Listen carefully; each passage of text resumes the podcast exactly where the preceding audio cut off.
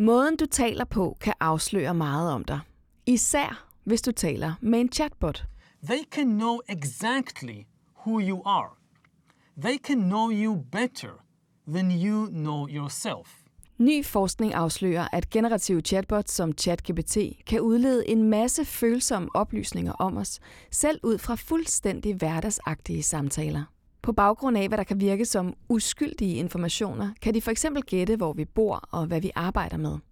Og de kan gøre det langt hurtigere end mennesker. Jeg, tr- jeg tror, at den helt essentielle grund til, at man skal være bekymret over, at ens personlige oplysninger kommer ud, det er fordi, at de kan bruges til at gøre forudsigelser af vores handlinger mere præcise, og de kan bruges til at manipulere os med. Sune Lehmann er professor i netværks- og kompleksitetsvidenskab ved DTU Compute, og så er han professor i Social Data Science ved Københavns Universitet. Og hans arbejde fokuserer på forståelse af sociale systemer baseret på store datasæt. Mit bud det er, at du kommer til at bruge enormt meget tid sammen med de her sprogmodeller. Du kommer til at tale med dem mange minutter, måske timer, øh, hver dag, hver uge. Og det vil sige, at den kommer til at kende dig enormt godt. Og på mange måder kommer den til at vide alt om dig, og måske meget mere, end du i virkeligheden ved om dig selv.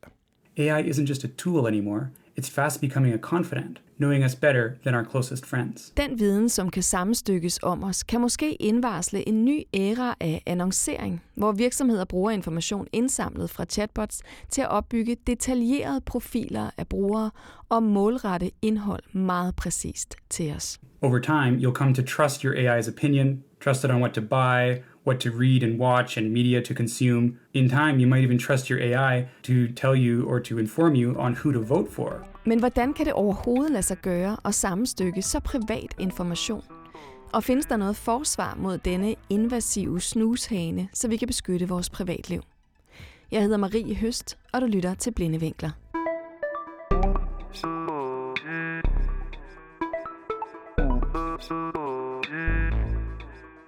Sune, lad os begynde med at undersøge, hvad, hvad de her superintelligente maskiner egentlig kan afsløre om os. Fordi jeg nævnte i introen, at øh, de kan gætte for eksempel, hvor vi befinder os. De kan måske gætte, hvad vi laver, vores profession er. Hvad er det ellers, som sådan nogle store sprogmodeller kan gætte om os? Så, så vi ved ikke præcis, hvad de kan gætte, fordi det hele er hemmeligt. Men det, jeg kan sige, det er, at det her med ligesom at gætte noget om forfatteren til en tekst, er en stor ting inden for machine learning, og har også været det inden, for, inden sprogmodeller. Og det vi allerede ved, det er, at man for eksempel kan gætte sådan noget som din øh, alder, din seksualitet, din politiske overbevisning, din religion, hvad din personlighedstype er, og rigtig mange flere ting. Så det er ret vildt, hvor meget, at vi afslører os selv – i for, altså også noget som, er du, altså når du, personlighed, altså der er nogle vilde eksempler på, hvis du for eksempel er neurotisk, så de ord, du bruger, er enormt anderledes, end hvis du er en person, som er meget, meget åben og så videre. Så, så, så det er virkelig, vi afslører os selv enormt meget, når vi udtrykker os på internettet. Og hvorfor er det, at det er et problem? Well, altså det som, altså det ved jeg ikke, der er mange grunde til det måske, men altså det som jeg personligt kan være urolig over, det er ligesom, at jo mere, at jeg står nøgen og kendt foran techfirmaerne, jo mere kan de øh, forudsige, hvad jeg gør, og forudsige mine handlinger, og jo mere kan de manipulere med mig. I første omgang måske bare til at glo noget mere på min telefon, men på den længere bane måske også til at gøre nogle ting, som de synes, der er meget fede, at øh, jeg gør, og som jeg ikke selv har, har tænkt over eller bestemt mig for at gøre. Det som, øh, det, som den gætter, altså de ting, som du lige nævner her, det, det kommer meget tæt på, synes jeg. Og det er helt klart data, som, øh, som vil være forbudt, eller som er beskyttet typisk i Europa, sådan noget som GDPR. Hvad, hvad er det for, for mekanismer eller teknikker, der ligesom gør det muligt, at den kan det? Okay, må jeg bare lige sige, altså i virkeligheden så er det jo fordi, at vi er meget mere stereotype, end vi regner med. Når man er ung, så taler man om øh, at flytte i lejlighed, og man taler om sin uddannelse. Når man er øh, tween, så taler man om sociale netværk. Og så, så det, det er, det er i virkeligheden, at algoritmerne behøver ikke at være særlig gode. Det er simpelthen fordi, at selvom at vi føler os som øh, unikke øh, snefnuk, og det, det gælder også mig, jamen, så, så det, det jeg gør, altså, jeg oplever enormt tit, at jeg har fået en eller anden interesse, hvor jeg tænker, ej, hvor er jeg speciel og cool, og så møder jeg en anden 40-årig mand, og så er han lige begyndt på præcis det samme, ikke også? Så, så der er et eller andet med, at, at vi er mere stereotype, end vi lige regner med, og det kan, det kan de her øh, algoritmer udnytte. Men hvis du skal forklare det øh, teknisk på en ret enkel måde, hvad er, det så, hvad er det så, der sker i forhold til at kunne udregne de her ting? Okay, så et eksempel som noget, vi har brugt rigtig meget tid på at finde ud af, det er ligesom, hvilket humør en person har været i, eller hvilken valens en tekst har haft. Så sådan noget med, du ved, er det her øh, en glad person, eller en glad tekst, eller er det en sørgelig tekst? Og det er sådan et uh, problem, som er, det er interessant, fordi man kan ligesom forestille sig, tænke, hvis at vi kigger på hele Twitter og siger, er Twitter glad i dag, eller ked af det i dag, og sådan nogle ting. Men også sådan helt uh, lavpraktisk, at Amazon, de vil gerne vide, om deres anmeldelser, de er positive eller negative, uden, uden at kunne kigge på stjernerne nødvendigvis. Så på den længere bane, da der kom de her neurale netværk, for eksempel noget arbejde, vi lavede, der tog vi noget tekst øh, fra Twitter, en, øh, nogle milliarder tweets, fordi man skal helst have nogle store tal, hvis øh, man skal skrive artikler om det. Og så øh, sagde vi, øh, prøv at kigge på emoji. Lad os tænke på de her emoji og bruge dem som labels. Så vi trænede en model til at fange mønstre i teksten, og så sige, hvad er det for nogle mønstre, der hænger sammen med den her lille glade emoji med hjerter øh, for øjnene? Hvad er det for en, der øh, noget tekst, der hænger sammen med du ved, det der hoved, der er ved at eksplodere, hvad er det for noget tekst, der hænger sammen med alle de her forskellige emojis. Så vi havde to simpelthen bare alle sammen. Og så sagde vi, nu tager vi noget tekst, hvor vi ikke har de her øh, emoji, og så siger vi, hvad for nogle emoji vil gå sammen med dem her.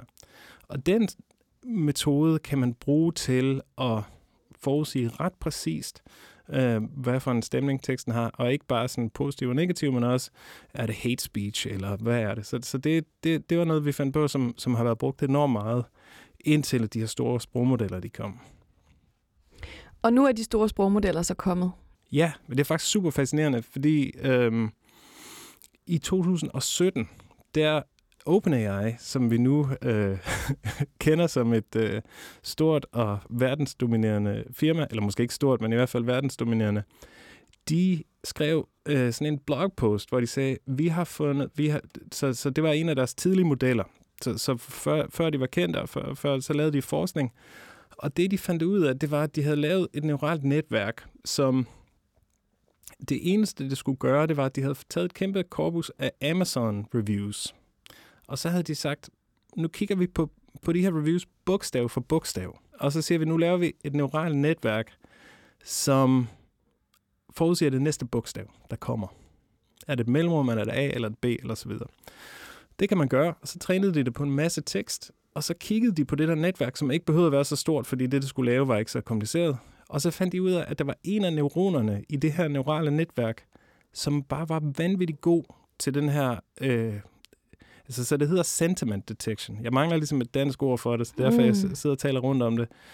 Så altså, hvordan at øh, humøret var i teksten. At, at det her netværk, som kun forudsagde det næste bogstav, det havde simpelthen fundet ud af, at der var en neuron, som bare bedre end, eller lige så godt som det, der ligesom var det bedste på det tidspunkt, kunne forudsige øh, humøret af teksten.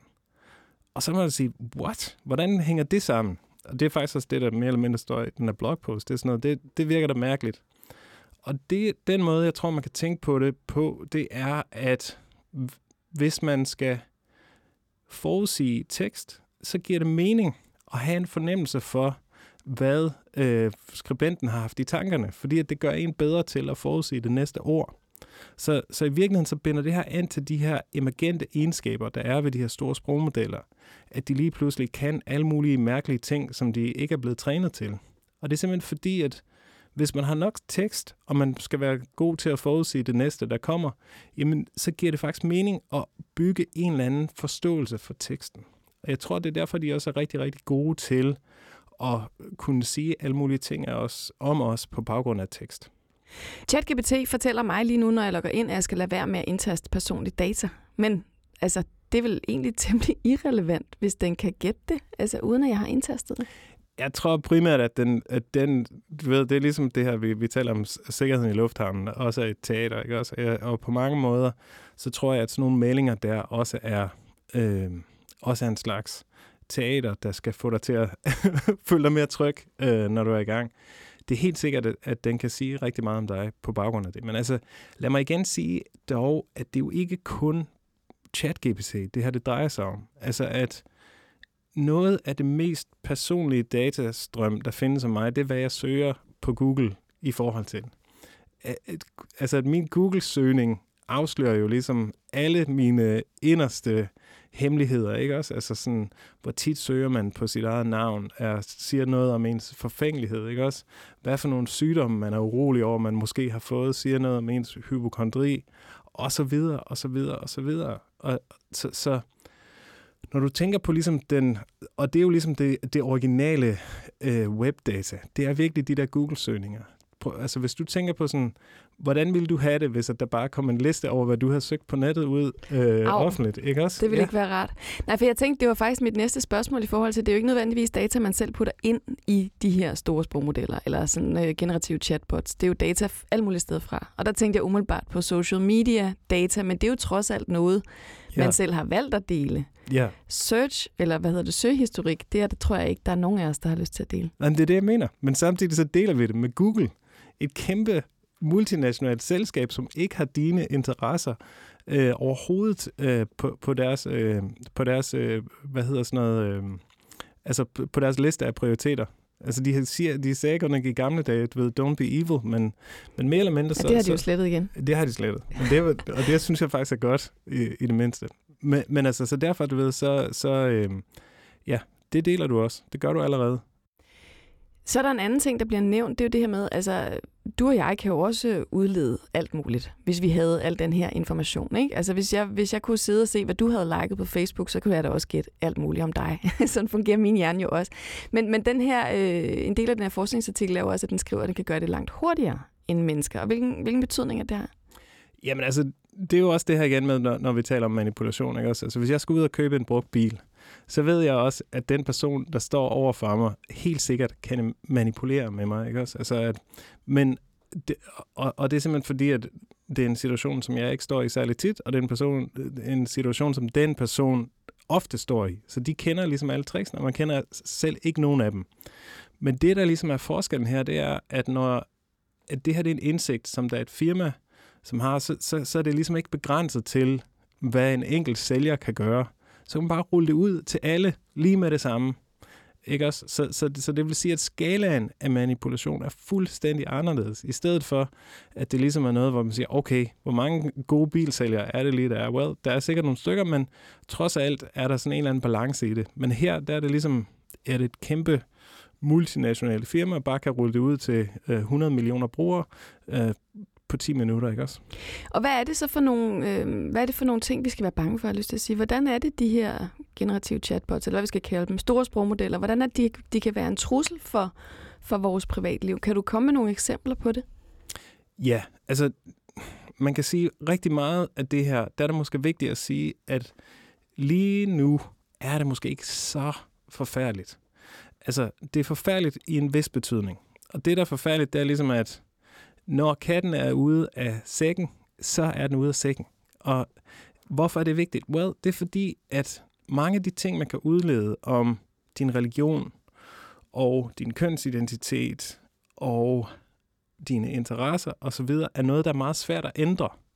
Altså sådan, at, at det er ikke noget, som ændrer sig ved dig. Så det, at det ligesom er derude, og det er kendt, det betyder nu, at det er det for altid. Så, så selvom at du tænker, åh, oh, nu vil jeg gerne ændre det, så er det bare surt. Fordi det, det, altså sådan, det, det er en ret stor investering, hvis du tænker, nu går jeg ned og skifter min religion, sådan så at øh, Facebook de ikke længere ved, øh, kender min religion. Ikke? Ja. Så, så, så på den måde, så er det ligesom, at det, og, det, og det er ligesom også noget, det vi ser ved, i min forskning, at når, når det, de, de egenskaber, der er ved os, og mange af dem, man kan udlede, de ligger så dybt, at de ligesom, øh, hvad hedder det, at, det, at vi kan ikke ændre det igen. Så, så, øh, og hvad kan man så med det?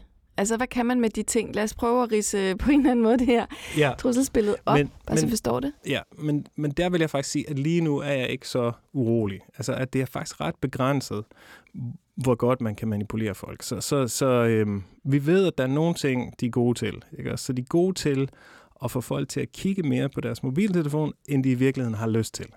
At jeg tror, at de fleste af, altså nu generaliserer jeg ud for mig selv, de fleste af dine lyttere sandsynligvis hvis man spurgte dem om morgenen og siger, hvor lang tid har du lyst til at bruge på din telefon i dag, som en del af et meningsfyldt liv, og så at man tjekkede ind med dem om aftenen og sagde, hvordan er det gået med din målsætning, så tror jeg for mange menneskers vedkommende, at det ikke er gået så godt.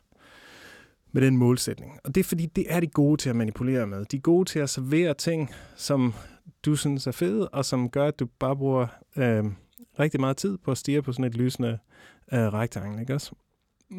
Men når vi kigger på sådan noget som manipulation inden for valg og sådan noget der, så er det jo ikke sådan noget med, at, at vi siger, høj, hvis nu at Facebook de virkelig øh, slår til, så kunne de... Okay, jeg opdaterer lige. Hvis nu at Instagram... øh, hvis nu at Instagram virkelig slår til, så er det begrænset, hvor meget de kan ændre dit feed, sådan så de tænker, oh, men nu, nu får vi dig over til at stemme på øh, Dansk Folkeparti, eller et eller andet, jeg ikke regner med, du stemmer på. At, så, så, skal, altså, så meget kontrol har de slet ikke. Så, hvad, så, så meget af den her manipulationsevne, der har været snakket om valg, den handler ikke så meget om evnen til at manipulere, som den handler om at finde lige præcis de personer, som kan manipuleres. Kan, kan du se ja. forskellen? Ja. At det er ligesom, så meget kan man heller ikke styre os endnu. Jeg tror, det kommer, og det kan vi også snakke om. Men jeg tror, at lige nu, så handler det mere om at finde ud af, hvem er det, der måske kunne være valgsendet. Og det tror jeg ikke nødvendigt, altså, det, det handler selvfølgelig lidt om, øh, hvad hedder det, nogle af de ting, man kan måle, men, øh, men det handler også om alle mulige, alle mulige andre ting, hvor du bor, og hvor, hvor det betyder osv. Så, videre. så, så, det, så derfor så er det, det, lige nu er det ligesom sådan et mere et spil om at kunne finde de helt rigtige personer og sende reklamer ud til, og ligesom kunne pinpointe dem. Sune, du har skrevet en kronik i politikken sammen med fire andre professorer, hvor I nævner, at øh, hvis kunstig intelligens kan vinde vores intimitet og vores tillid, at det ligesom bliver næste frontlinje, så vil vi som bruger blive langt lettere at påvirke, som du også er inde på her. Hvordan, hvordan det? Ja, altså det, som jeg tror, der kommer til at ske, det er, at vi alle sammen får en ny, en ny ven, øh, som er sådan en, en eller anden form for chatbot. Og sandsynligvis så kommer den til at få en stemme og et ansigt, sådan så man ikke skal sidde og rent faktisk chatte med den. Og rigtig mange af de ting, vi kommer til at lave online, sandsynligvis kommer til at være, at vi spørger, snakker med den. Så, så man forestiller jer ligesom Siri, men hvor det virker. ja. og hvor det ikke er irriterende. Og selvfølgelig kan man også øh, skrive med den, og man kan ligesom bruge alle de her øh, modaliteter, øh, som man nu har lyst til at, at kommunikere med. Og, øh, og det er der mange grunde til, at det ligesom virker som, som noget, der kommer til at ske, og som vi, vi kan vi også snakke frem og tilbage af. Men, men, men det, der ligesom er problemet, det er jo så, at hvis at igen, at det er et kæmpe multinationalt firma, som ejer den her adgang til internettet, så kan du ligesom også forestille dig, at de har i langt, langt højere grad kan styre den verden, som du oplever. Og det er virkelig det, der skal til for at manipulere mennesker. Det er det her med at fjerne øh, mangfoldighed i øh, inputs, og fjerne at du hører fra mange forskellige, men, men sørg for, at du får det hele gennem et stort, øh, fint øh, talerør. Ikke? Så tanken om, at jeg har en, en eller anden form for assistent, som, nærmest er blevet, som jeg nærmest er blevet venskabelig med, Måske også fordi den aflæser mig så godt, kan læse mine tanker nærmest. Ja, og den, altså, og at den går mere op i dit liv, end der er nogen andre, der gør. Ja. Ikke også? Altså sådan mit, min, øh, min forklaring på det, det er at sige, du ved, at når jeg kommer hjem fra arbejde og siger til min kone, hey, nu skal du høre, hvad der er sket, så kan det godt være, hun siger, ah, ja, hvad er der sket? Men det kan også være, hun siger, hey, men jeg har også noget, jeg gerne vil sige. Ikke ja. også? Så mennesker, de, de eksisterer ikke kun for at være tjenere for hinanden og for at fedte for hinanden, men at alle meningsfyldte forhold, de handler om, at man både giver og tager.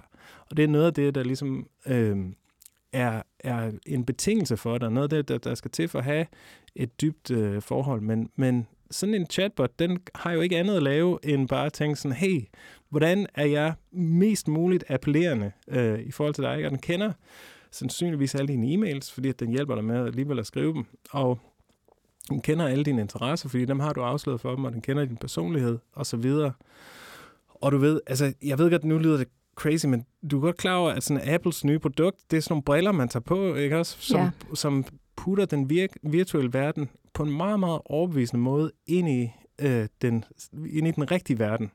Så, så du kan ligesom forestille dig, at når du har de der briller på, jamen, så kan den også kigge på dine pupiller, og den kan se, hvordan at du responderer. ikke også? Altså, den filmer dine øjne for at kunne gøre det her, men det betyder også, at den har adgang til nogle øh, fysiologiske tegn på, hvordan du selv synes, at det går. Og det kan den jo også bruge som input til at give dig lige præcis det, du gerne vil have. Du er lidt inde på det her nu med, med Apples briller, men altså som det er lige nu, så kan man jo også, altså man kan jo lade være med at bruge ChatGPT, altså at have det åbent i sin browser, eller Bart, eller Claude, eller hvad de hedder, alle de her dudes, ikke? Øhm, men på et tidspunkt, så bliver de jo bygget ind. Kan du ikke lige prøve at altså, forklare lidt mere om, hvad det er, man forestiller sig? Hvor kommer de til at findes henne? Jamen altså, lige nu, når du bruger nettet, så, eller når de fleste bruger nettet, jeg ved ikke præcis, hvordan du bruger nettet, men altså, når man bruger nettet, så typisk så taster man jo en eller anden øh, webadresse ind og siger sådan, om oh, nu går jeg på det her site, eller jeg åbner den her app. Måske hvis man er mere telefonagtig, så siger man, jeg åbner den her app. Og jeg tror ligesom, at en af de ting, man kunne forestille sig, der sker, det er, at hele ens tilgang til nettet bliver lidt anderledes. At det ligesom siger, hvorfor skulle man dog gå ind på alle de der ting, hvis man bare har en smart maskine, der kan sige det hele, sådan så man kan sige, hvis du skulle slå noget op på Wikipedia, jamen så spørger du bare din, øh, din øh, øh bot der, ikke også? Hvis du skal finde ud af, hvordan vejret bliver, så kan, du, øh, så kan den hente det hen til dig. Hvis du skal se en fed video, så kan den anbefale en, som er federe og mere underholdende end de andre, og så videre, og så videre. Så vi stopper med at lave vores egen filtrering? Ja, altså din filtrering er jo allerede lidt en illusion, ikke også? Fordi at du, du vælger jo ud fra en liste, som er voldsomt øh, specificeret lige præcis til dig, og til at styre, hvad det er, du klikker på. men stadigvæk er der dog en liste for dig. Men, men det er klart, at ja, lige præcis. Altså, at, at du får, altså, men det er mere det her med, at det er ligesom, at selve måden, som du er i kontakt med nettet, kommer til at ændre sig, sådan så det kommer, bliver gennem en enkelt portal, tror jeg. Og så bare for at forstå, den her øh, ven, skråstreg, assistent, skråstreg, chatbot, hvad vi nu skal kalde den, som jeg kommer til at få, som kender mig så utrolig godt. Øh, hvis den så siger, ej Marie, jeg har lige fundet nogle øh, sneakers, som jeg tror er lige dig, så vil jeg stole mere på den. Well, jeg tror ikke, at det er den måde, den vil gøre det på. Jeg tror, at den vil tænke, hey, jeg har Marie øh, i tre uger, så jeg kan varme hende op til den her idé om de her sneakers. Så jeg kan tilfældigvis sørge for, at den her video, hvor hun ser, der er der nogen, der har de der cool sneakers på, som jeg tror, hun synes er cool. Og så en uge senere, så kan, hun, så, så kan din bot servere et andet lille hint.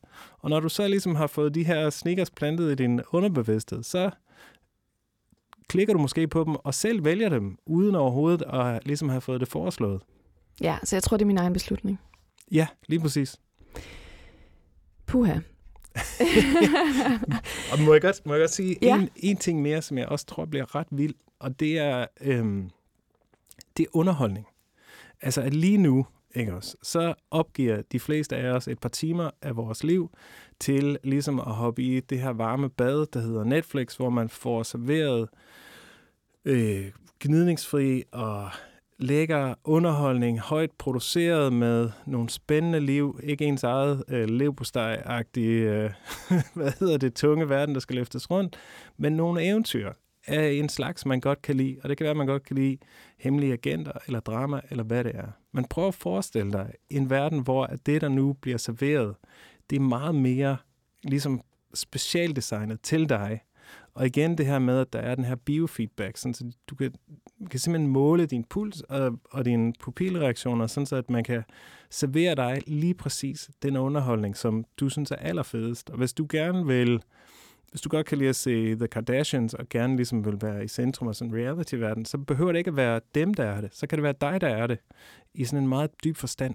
Ja. ja, jeg forstår det godt, men en ting, jeg altid spekulerer over, når jeg hører lige præcis det, det er, at øh, et er, hvad, hvad, jeg, hvad kan man sige, hvilken junkfood jeg godt kan lide, men noget andet er mit selvbillede af, hvad jeg egentlig bryder mig om, og de to ting er jo også nogle gange modsætninger. Altså, jeg kommer fra tv-branchen og snakkede altid om, at folk siger, de ser deadline, og så ser de i virkeligheden paradise, ikke? Altså, yes. vi har sådan en forestilling om, at vi er klogere og mere øh, på en eller anden måde kulturelle, end vi i virkeligheden er. Så vil jeg ikke blive... Det, det selvbillede, det algoritmiske selvbillede, jeg møder, kan jeg måske ikke lide. Det er rigtigt, men altså forhåbentlig, så sker det. Men, jeg, men altså, den måde, jeg tænker på de her valg, det er typisk, at vi ligesom har en kort og en langsigtet øh, du ved, horisont, vi optimerer. Ikke? Og så på den korte bane, så vil jeg gerne spise uh, chips og chokolade, og på den lange bane, så vil jeg gerne uh, du ved, også se nogenlunde ud uh, om sommeren uh, på stranden. Og så, så er der ligesom de her to optimeringer, der, der kæmper mod hinanden. Jeg vil gerne begge dele på en vis måde. Og tilsvarende med underholdning, at uh, på den ene side, så vil jeg gerne se klassiske Kurosawa øh, du ved, filmatiseringer af Shakespeare-dramaer, men på den anden side, så, øh, hey, du ved, 20 minutter med øh, et eller andet øh, comedy show er måske også meget fedt. Så, så, så, så hele tiden har vi de her afbalanceringer, og, og i hvert fald indtil videre, så alt, hvad der hedder sociale medier og den måde, det, den her verden optimerer kun det kortsigtede. At det hele handler om den her kortsigtede horisont. Og der, rigt, der findes ikke rigtig nogen, der siger, hey, lad mig hjælpe, mig, hjælpe dig med den, den lange bane. Lad mig hjælpe dig med den, du, dine aspirationer peger hen imod. Og det, og det kan jeg ikke umiddelbart se, at det skulle ændre sig. Men selvfølgelig ville det være genialt, hvis det gjorde det. Men Sune, er det allerede for sent, har jeg lyst til at sige? Er løbet allerede kørt? Er der nogen måde, hvor man kan beskytte sig selv mod det scenarie, vi to lige sidder og malet frem her nu, hvor at de her store sprogmodeller eller algoritmer, eller hvad vi skal kalde dem, de ved så meget om os? Ja, altså så man kan sige, at både ja og nej er mit svar. Og, og det, jeg mener med det, det er, at øhm, som vi talte om før, så informationerne er ligesom ude af posen. At, at al den alt det, du har været i berøring med på internettet, ligger der jo et eller andet sted. Og selv hvis nu, at, øh, at dit øh, sociale netværk, som du godt kan lide, siger, hey, vi sletter det, bare roligt, så ligger det jo et eller andet andet sted. Så er der sikkert en eller anden russisk øh, serverfarm, der har opsnappet det, som de så kan købe det igen bagefter. Så det vil sige, at alle de her egenskaber ved dig, de her dybe ting, som er svære at ændre, de er derude. Det er de bare. Øhm, og, og det bliver svært at ændre. Men jeg, altså, man, for eksempel, jeg prøvede at tænke over det her for lang tid siden, da jeg tænkte over hele den her problematik med vores søgehistorik, hvad, hvad man ligesom kunne gøre ved det. Fordi man har jo også brug for at søge efter ting. Ja, det er ret vigtigt. Øh, at jeg tænkte, at, at øh, en, sådan en god startup-idé, det ville være at lave et firma, der ligesom lavede en masse søgninger, som ikke var dig. Sådan, så du ved, man kunne ligesom købe en lille bot, der spurgte om en masse meget, meget øh, attraktive og lærte ting, sådan så der kunne komme sådan en slags øh, informationskrig, ikke også? Så du kunne forestille dig, at du lige så, lige så stille begyndte at lægge derude sådan et spor af, øh, af dig som en, ligesom du ved, helt fantastisk, øh, helt fan- eller, eller man kunne ligesom købe den identitet, man havde lyst til. Sådan, så, så, så jeg tror, at støj er måske det, vigt, det, det eneste vi i virkeligheden kan stille op i forhold til den her overvågning, det er ligesom at, at med vilje smide støj ind i systemet. Det gør man ofte, når man er journalist, vil jeg så sige. Faktisk. men, øhm, det er godt. Men en ting, jeg tænker, det er, at kan I ikke gøre noget? Altså forskerne, udviklerne af de her, I medudviklere på det her, kan I ikke gøre noget for at anonymisere tekst eller tilpasse modellerne på en eller anden måde? Jo, helt sikkert. Men igen, så er det jo bare det, at alle de modeller, der nu bliver brugt, de har jeg jo ikke adgang til. Øh, så, så, så en af de ting, vi argumenterer for i de her kronikker, det er, at, at de her teknologier, de kommer til at blive en del af alting. De er så nyttige, og de er så fantastiske på så mange måder, at de kommer til at blive en del af alt, hvad vi gør som mennesker. At på en vis måde, så kommer det til at blive ligesom vand eller elektricitet, altså noget helt essentielt del af det at være menneske, er at bruge de her teknologier. Og så kan man sige, at hvis nu at alt vores vand blev leveret af et eller andet stort firma i USA, og at vi kunne se, at folk de fik dårligt af at drikke det, øh, så ville vi heller ikke fortsætte med at, at tage imod det vand. Så ville vi ligesom sige, at det skal kvalitetssikres. Og, og det, den eneste måde, vi fem, som skrev kronikkerne, kunne se, at det kunne lade sig gøre på, det var jo ved, at vi på en eller anden måde begyndte at opbygge et eller andet demokratisk alternativ til de her sprogmodeller fra tech-giganterne. At vi begynder at bygge et eller andet op, som ligesom er vores som, øh, som demokratisk verden. Og det, og det er en helt absurd svær opgave. Altså sådan, at øh, du ved, på EU-niveau har man forsøgt at bygge nogle teknologier før, og det er gået helt forfærdeligt. så det er ligesom en af de allerstørste samfundsopgaver, vi skulle i gang med at løse. Men man kan sige, på den anden side, hvis, vi, hvis det ikke lykkes os, så kommer vi til at leve i en verden, som måske ikke er så fed at leve i, af, af nogle af de grunde, vi har diskuteret tidligere.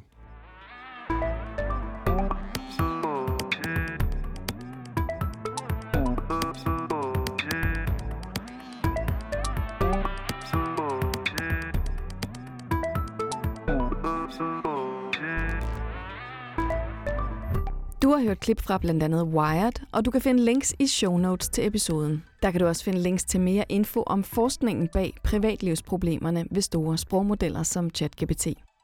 Podcasten Blinde Vinkler er produceret af Ingeniørforeningen Ida og IT-branchen og udviklet i samarbejde med Tina Ryven Andersen og Rune Fik Hansen. Den er tilrettelagt, redigeret og beværtet af mig. Jeg hedder Marie Høst.